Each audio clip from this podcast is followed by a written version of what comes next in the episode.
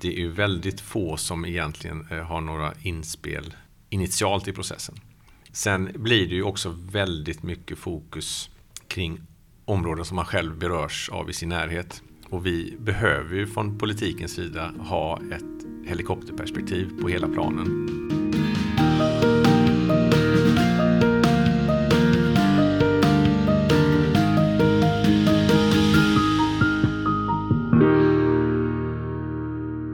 Här är podden Halmstad växer. Hej och kul att du har hittat hit. Jag heter Linda Thulin och jag gör den här podden på uppdrag av Halmstad kommun. Här gör jag intervjuer utifrån teman som alla är kopplade till Halmstads utveckling de närmsta 30 åren. Kommunen håller ju som bäst på att planera för att vi ska kunna vara 150 000 till 2050. Till varje tema intervjuas fyra personer med olika perspektiv och funktion, vilket vi hoppas ska ge en bredare insikt och förståelse för det som händer när stan växer. Det finns också ett avstampsavsnitt där jag pratar med olika Halmstadbor, tittar i backspegeln och ger kortversionen av framtidsplanerna. Det här temat det handlar om varför en kommun måste växa. I de andra intervjuerna så möter du då insändarkungen och den pensionerade piloten Kurt Fido Johansson i Oskarström, professorn i nationalekonomi som är expert på städer, Charlotta Melander, och företagarprofilen och tredje generationens bokhandlare Ulrika Larsson. I det här avsnittet så har jag tagit mig in i maktens korridorer i Rådhuset i Halmstad. Där träffar jag kommunens högsta politiker sedan 2018, Jonas Bergman. Bergman är moderat, men är ju i egenskap av kommunstyrelsens ordförande en representant för hela Halmstads befolkning. Och jag vill prata med honom om hur man egentligen vet vad som krävs när en kommun ska växa och hur han ser på medborgarnas engagemang och de protester som ofta blir. Och så undrar jag över den där siffran 150 000 som alltid dyker upp när man pratar om Halmstads framtid numera. Är den ett mål eller en riktlinje? Och varför behövs den? Det uttrycktes nog faktiskt som ett mål från början, eh, men det var vi ganska tydliga också när vi gick in i den här mandatperioden att det är inget mål i sig. Däremot ska vi ha beredskap för att kunna klara av detta för vi kan komma att hamna runt 150 000 så att alla våra planer måste vara förberedda för att kunna skapa en stad som rymmer så här många människor. Upplever du att det rent kommunikativt har gått fram, att det inte längre är ett mål utan bara är någonting man tar höjd för? Vi försöker ju i alla forum att kommunicera på det här sättet men nej, det har nog inte gått fram och jag är mer förvånad att det här under den korta perioden när man pratar om det som ett mål att det har, har fäst sig så men det kanske är helt enkelt siffran som har fastnat. Kan du ångra att ni liksom satte en siffra på det sättet och att den nu spökar lite? Eh, nej, det ångrar jag inte alls. Eh, för det är en oerhört eh, användbar siffra för den genomsyrar ju alla planer och det har ju egentligen att göra med en sån enkel sak som hur ska vi ha vattenförsörjning för framtiden?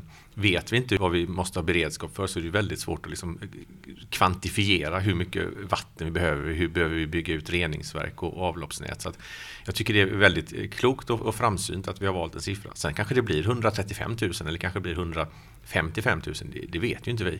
Eh, men vi ska i alla fall inte stå en gång till och säga att nu är vattnet slut, nu är förskolorna slut, nu, nu är vägarna fulla. Utan där, där handlar det om att bygga beredskap för framtiden. Mm.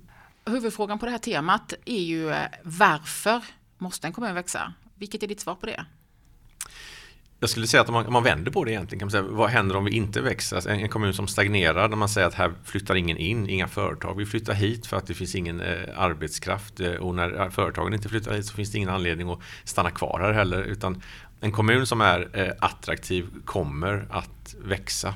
Sen kan man alltid diskutera vilken takt som är, som är lämplig men när man har slutat växa så stagnerar man och sen så, så kommer man eh, krympa och, och, då försvinner ju alla de här möjligheterna som människor ändå vill se. Man förväntar sig ju hela tiden att, att staden ska bli bättre, det ska erbjudas mer, det ska vara ett bättre nöjesliv, kulturliv, eh, fritidsliv och så vidare. Så att man har ju ständigt förväntningar på nya saker och det krävs ibland också en, en, en lite högre volym av invånare för att man ska kunna förverkliga allt det här. Men man kan alltid diskutera takten säger du. Hur gör man när man diskuterar takten?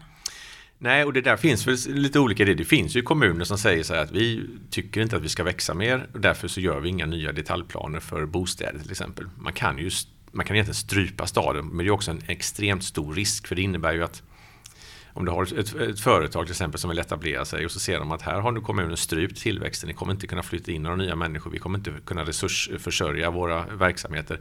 Då är klart man väljer en stad där man ser att, att man har ändå möjlighet att växa. Eh, så vi har väl egentligen gjort så här att vi, vi, vi ser positivt på tillväxten eh, och vi möjliggör för den. Eh, och sen vad exakt det blir i slutändan, det, det kan vi ju bara spekulera kring och det där varierar ju väldigt mycket över tid.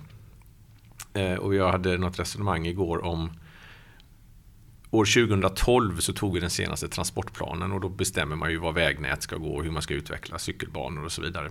2012 då skrev vi där att år 2030 kommer Halmstad ha 105 000 invånare och sen planerade vi stadens trafiknät ut efter det. Eh, och 105 000 invånare det kommer vi bli sannolikt nästa år, 2022. Eh, det är alltså tio år efter planen togs och åtta år före det mål, målår som man satte för den här befolkningen. Så man kan ju egentligen säga att problemet är inte att växa för mycket, problemet är att inte ha planerat för växandet. Det är långa processer, alltså en, en översiktsplan gör man ju var fjärde år. Eh, den pekar ut var man får göra, sen så ska ju den planeras in med detaljplaner och bygglov, så det är väldigt långa processer. Eh, och det är klart att om vi, om vi växer lite snabbare än vi hade tänkt, det behövs inte jättemånga eh, hundra extra invånare för att man plötsligt ska behöva en ny förskola. Har vi ingen förberedelse för det, men då blir det ju de här tillfälliga, dyra eh, lösningarna med, med paviljonger och så vidare som jag har fått ha nu i flera år och som vi äntligen nu nästan börjar bli av med helt och hållet. Ni som, som sitter och, och fattar de här eh, slutgiltiga besluten är ju politiker. Eh, och ni som då är, liksom är eh, yrkespolitiker, kommunråden och så vidare har mycket eh, inflytande. Men är ju också lekmän. Ni är inte stadsarkitekter vad jag vet någon av er. Hur gör man för att ta reda på vad som krävs i de här situationerna? Precis som du säger så är vi ju lekmän på detta och det är därför vi har också eh, förvaltningar med experter inom de här områdena och vi har också eh, anlitat en hel del konsulter som inget annat gör än att beräkna trafikflöden och eh, göra prognoser och sådär. Sen kan de ju också ha fel men vi beställer in underlag på områden som vi känner att det här måste vi ta reda på vad som gäller och sen så får vi liksom faktaunderlag. Och sen får vi ta ställning och då kan man ju säga att man väljer ena eller andra vägen utifrån det och det kanske är mer då styrt av, av liksom, eh, ideologi eh, ibland och även liksom vad det är för sorts personer som leder kommunen. Eh, det, det, är också skillnad, det finns, så är det ju, det är inte bara ideologi utan är det personer som tror på tillväxt, som, som liksom vill utveckla staden och, och tycker att förändring är bra, ja, då kommer det bli en viss sorts beslut. Och har man lite mer förvaltande grupp politiker så kommer det bli på ett annat sätt. Och det, det är upp till väljarna på valdagen att eh, välja de politiker som, som berättar hur man vill förvalta och utveckla sin kommun. Men är det svårt det här? För jag tänker det är som sagt det är barnomsorg, det är vägar, det är klimatanpassning, det är bostad, det är så oerhört många olika saker. Är det svårt? Ja, det är jättesvårt. Ja. Eh, och ibland så känner man så här, vad, ska vi verkligen få bestämma sådana här stora saker eh, på riktigt. Men, men det, är, det är också väldigt strukturerade processer och det är, vi känner oss väldigt trygga med våra underlag. Eh, så att, ehm, och gör man bara det och kanske inte gräver ner sig allt för mycket i, i de små detaljerna, för att de små detaljerna löser sig alltid, utan man behöver ju försöka lyfta blicken och se till de stora dragen. Eh, och då, det är ändå ett klokt sätt att hantera det på tror jag, även om jag själv kan ha en viss förkärlek för detaljer ibland också. Vilka farhågor har du kring det här med att växa? Vilka risker ser du? Det finns jättestora risker i det här också. Ehm, det, om, man, om tillväxten sker okontrollerat utan att vi egentligen har, har liksom planering för det. Det blir ju ett problem. Det är klart att om, om människor flyttar in och det kan ju vara av, för att familjer bor eller släkt eller att det också skapas arbeten eller att man vill studera och det inte finns bostäder till exempel då vet vi ju inte kanske riktigt var, var, var, människor hamnar. Det kan ju vara så att det bor tio personer i en trerumslägenhet någonstans i, i stan. Det är ett problem för det skapar ju det skapar ju helt andra problem. Alltså, tänk ett barn som får växa upp med en, en jättefamilj i en pytteliten lägenhet som aldrig har chans till egen eh, tyst tid att eh, studera och göra skolan. Den typen av saker. Och jag tror också att växer man för snabbt och utan kontroll då, då ökar också risken för segregation. Det tycker jag man har sett på många kommuner. Eh, men det skapar också andra problem med, med eh, alltså för mark och för företag och så vidare. Att det skapar mycket gnissel eh, när man inte kan tillgodose eh, expansion och många kanske vill växa där man finns och inte har den möjligheten. Så det kan bli problem, man växer för snabbt och ju sämre beredskap man har för det desto större blir problemen. Den här grejen som handlar om mark och hitta ställen att bygga på, så hur svårt är det? Vi har ju, alltså egentligen har vi väldigt gott om mark. Ja, just det. Eh, eh, att, Sen om man ska ha den till bostäder eller ut. inte. Eh, Men då är ju frågan, vi behöver ju garantera tillgång till gröna miljöer för alla. Man kan såklart bygga bort varenda gräsmatta på östra sidan av stan om man skulle vilja det. Men då kommer inte människor må bra där. Man behöver skydda jordbruksmark, självklart. Vi, någonstans måste, det är ju ändå grunden för eh, människans existens att vi har tillgång till mat och det finns ju också en efterfrågan på, på mer närodlad mat. Och det, så där är ju en konflikt. Eh, men vi har ju såklart också sett konflikter när vi då istället försöker hitta mark som är, är, skogsbeväxt.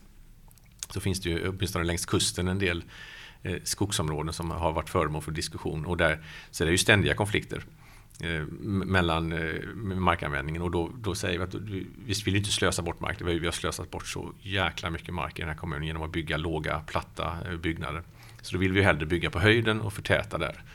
Men det är ju inte heller konfliktfritt. För det är inte alla som tycker att det är härligt att ha ha höga hus bredvid sig och det, det skuggar och, och det kan upplevas otryggt om det görs på fel sätt. Så att det, det är ju egentligen Eh, många konflikter i det här. Men samtidigt om man tittar på det vi gör i översiktsplanen, då kanske vi pekar ut eh, om det är 100 eller 120 olika områden för bostäder och mark. Och det, det har ju varit diskussion kanske kring 10 av dem på olika ställen i kommunen. Eh, men, i- men i övrigt så, så har det varit relativt friktionsfritt. Så, så det går ju. Men det är inte lätt. Och det, och det är också frågan, vad vad är det för mark? Alltså vi vet ju inte. Hur kommer framtidens vägar se ut? Alltså kommer det vara självkörande bilar om 30 år? Det är ju inte jättefå människor som tror att det kommer vara så. Och vad betyder det? Det betyder att alla bilar kan köra med 5 cm mellanrum för att de kommunicerar med varandra. Kan vi bygga bort alla rondeller? Behöver inga parker, parkeringshus behöver vi inte. De kan ju stå någonstans utanför stan och sen så kommer de när det är dags att använda den. Ehm, så det, och den typen av, av, det gäller att inte bygga in för mycket, eh, för mycket statiska strukturer i det vi gör nu utan det behöver kunna skapa eh, områden som är, som är flexibla och kunna förändras på sikt. Du, den här delen leder oss in på nästa stora fråga tycker jag som ju handlar om just eh, protester, folkopinion och hur man ska tackla det och sådär. Och då är ju min första fråga, har du någon allmän uppfattning om hur eh, vad folk i Halmstad tycker och tänker om den här framtidsplanen 2050? Ja, det finns ju spridda uppfattningar får man säga. Att, det, det som är lite tråkigt när det gäller sådana här stora planer det är ju att det är väldigt få som egentligen eh, har några inspel eh, initialt i processen. Eh, de som har inspel är oftast de som äger mark och som vill få sin mark utpekad eller som har andra behov. Ehm, sen blir det ju också väldigt mycket fokus kring områden som man själv berörs av i sin närhet. Och vi behöver ju från politikens sida ha ett helikopterperspektiv på hela planen. Ehm, och jag hade också såklart önskat att det fanns en, en, en vilja till en bredare diskussion om, om hela, eh, hela liksom frågan kring Halmstads framtid. Det har varit väldigt spännande att ha de samtalen. Men vi fastnar ganska mycket i, och det är inte bara Eh, längs kusterna utan det finns ju andra, andra delar i kommunen också där man, där man diskuterar och oftast just kring ett område. Så det blir ju mycket nedslag i planen och man kanske ibland missar eh, helheten. Och jag kan verkligen förstå det och tänker lite grann samma sak. Och det finns ju något positivt i det som också är tecken på ökade demokratiska möjligheter. Behöver inte ni som politiker också förhålla er till det då? För man vet ju att det här kommer hända. Hur kan ni tänka för att möta den lite nya världen vi har? Nej, det, det är en kommunikativ utmaning och vi har väl inget bra svar på det för då hade vi, ju, ehm, då hade vi gjort det på ett annorlunda sätt antagligen. Det handlar nog om att försöka långsiktigt kommunicera liksom kring samhällsutmaningarna i stort. Att ha en att försöka få igång samtal och kanske inte behöver, det behöver inte vara kopplat kanske just till enskilda planer utan att det ska, det ska hela tiden ligga ett underliggande samtal igång kring en kommuns utveckling. Och hur man lyckas få igång det samtalet på vilket sätt och hur man eh, Ja, vi har inte svaret på det ännu tror jag och det är en ständig process. Men det är klart att den här podden som vi gör just nu, det är ju en del av ett sådant samtal. För jag tänker lite grann att det blir ju väldigt så här tudelat. Antingen tycker man det är positivt med utveckling och ser fram emot det. Eller så är man lite mer ängslig och ser alla riskerna och sådär. Hur viktigt är det att ha med sig alla på tåget? Det är ju önskvärt om man får med sig så många som möjligt. Eh, att man delar bilden av eh, hur man ska utveckla kommunen. Eh, men vi kommer aldrig få med alla på tåget. Det räcker att titta på valresultatet på valdagen. Alla är ju inte med på samma tåg utan vissa tycker att eh, högertåget är bättre än vänstertåget. Eh, och man har helt olika uppfattningar. Så det handlar ju mer om att ständigt ändå vara tillgänglig och förklara och berätta att vi tänker så här. Vi kanske inte är överens om det, men det här är ändå vår vision om, om framtiden. För jag upplever det lite grann som att det ena är någon slags allmän en skepsis som handlar om allmän eh, liksom misstro eller ovilja att vi ska gå för fort med allt vad det kan liksom innebära och sådär. Eh, som ju är väldigt rimlig. Den andra handlar lite mer om, eh, upplever jag, att folk inte har förtroende för att ni vet vad ni gör. Vad säger du om det? Nej, men jag tror nog att eh, det är många som inte har förtroende för att vi vet vad vi gör. Eh, och jag skulle säga att vi jag skulle nog vilja påstå att vi faktiskt vet vad vi gör. Surprise! Därem, ja, däremot så är jag inte så övertygad om att alla gillar det som är våra slutsatser. Nej. För att det krävs eh, för att bryta negativa trender och för att hantera problem som vi ser framåt så kommer det ibland krävas beslut som inte alla tycker är toppen. Sen har vi såklart också eh, brister och fel och vi kan ha underlag som missar målet. Och det, om man återgår till exemplet att vi trodde att vi skulle vara 105 000 om 10 år ungefär. Alla de beslut man fattar på det underlaget, de blir ju fel. Du tycker ju inte att de har rätt, utan du tycker att ni vet vad ni gör. Eh, men, men blir man någonsin självkritisk i att eh, var det här rätt eller skulle vi gjort så här eller påverkas man liksom av den där diskussionen? Ja, men det kommer ju mycket i sådana dialoger kommer ju också mycket, mycket kloka inspel. Och när vi, gör, vi gör ju oftast planerna i trestegsraket där man har ett samråd och sen granskning och sen slutlig version. Och det sker ju också stora förändringar eh, från första till andra versionen. Sen är det inte så att alla får de förändringar som man har önskat men det sker ju mycket diskussion och, och vi har till exempel Trönninge samhällsförening som har gjort jättekloka inspel i översiktsplaner och där har man gjort förändringar utefter deras funderingar för de, de vet ju hur det ser ut på platsen och de har haft sina möten och så har man flyttar den vägen dit och vi lägger det området där. Eh, jättekloka idéer. Eh, där vi konstaterar att men det, här är en toppenlösning. Det blir bättre än det vi skickar ut från början. Så att man gör ju sådana ändringar också. Men ja, det är klart man, man påverkas. Fast man är också lite, jag tror vi politiker, och vi är ganska vana vid att det blir sällan någon folkstorm av människor som kommer till rådhuset och säger att det här gjorde ni jäkligt bra. Utan eh, det är när man inte är nöjd som man berättar det. Och så, så, är det ju alltid och så har det ju alltid varit. Och det där tänker jag måste vara otroligt svårt att hantera därför att det, jag kan uppleva att det lite grann är samma sak i mitt yrke. Att man på något sätt antingen så eh, är man en gås i det avseendet för att annars så vill man liksom inte kliva upp på morgonen. Eh, eller så, eh, som sagt, tar man åt sig väldigt mycket. Alltså hur hittar man den balansgången mellan att faktiskt klara av att lyssna på det vettiga som ändå kommer, men inte bli helt för berörd när det är alldeles för mycket? Nej, det, det är en jätteintressant fråga för att jag tänker mycket på det också. I, i början så tog jag ju åt mig allt. Ehm, och sen så blir man ju lite av en gås till slut. Alltså det går ju inte att man kan inte vakna varenda morgon eh, klockan fem av en folkstorm med folk som ska tagga på Facebook och, och, och mejla och, och, skriva och ringa. Alltså det blir ohanterbart. Man, man, då klarar man inte att gå, gå upp ur sängen till slut. Och, och, ju mer man släpper fram och ju hetskare det blir, desto mer gås måste man ju vara. Alltså vi är ju bara människor. Det finns en gräns. Och ju mer gås man är, desto mindre öppen blir man också för att lyssna på berättigad eh, kritik och, och kloka inspel. För att till slut så, så det rinner ju av allting. Och då har man liksom byggt upp ett för starkt skal kring sig. Eh, och det tror jag inte är bra. Vi behöver ju den dialogen. Så det gäller att eh, hitta den där balansen. Och hur gör man det då? Ja, men jag har nog hanterat det genom att exponera mig själv ganska mycket genom att det är Facebook som jag använder. Eh, och jag försöker ganska ofta beskriva dels kortsiktiga saker men även långsiktiga diskussioner vi har. Och där blir ju en del inspel och även i, i som Facebookgrupper där saker diskuteras att, att ändå gå in och säga liksom hallå, här är jag. Eh, jag vill gärna förklara och ni får gärna fråga. Då blir det också en mer nyanserad diskussion oftast. Sen blir man ju ofta påhoppad och det är ju samma, eh, samma personer varje gång egentligen som, som, som alltid tycker att man är dum i huvudet vad man än skriver. Ehm, men jag gillar, alltså, då, då hittar man den balansen någonstans tror jag, genom att, men det tar ju också oerhört mycket tid och energi. Ja, för jag tänker det att du ska ju, du har suttit i fyra år och du ska inte ställa upp för omval. Påverkas, eh, liksom hur länge man vill hålla på av att det är så intensivt och att det är så många sådana saker att också ta hänsyn till ovanpå allt nu som kanske inte riktigt såg likadant ut för 10-20 år sedan? Det tror jag säkert och det vet jag att i, i början när jag eh, hoppade på här så, så, var det många som sa att du kan ju inte, du kan inte vara engagerad i alla sådana här diskussioner och så. Och det säger de ju fortfarande. och då sa jag att ja, men det är inget lugnt. Jag tycker det är så kul. Eh, men det är klart att eh, över tid så, så märker man att det, det funkar inte att hålla igång det där fullt ut. Eh, så det påverkas man. Men det är också tråkigt för att jag, jag gillar ju den, den dialogen, att ha den direkt.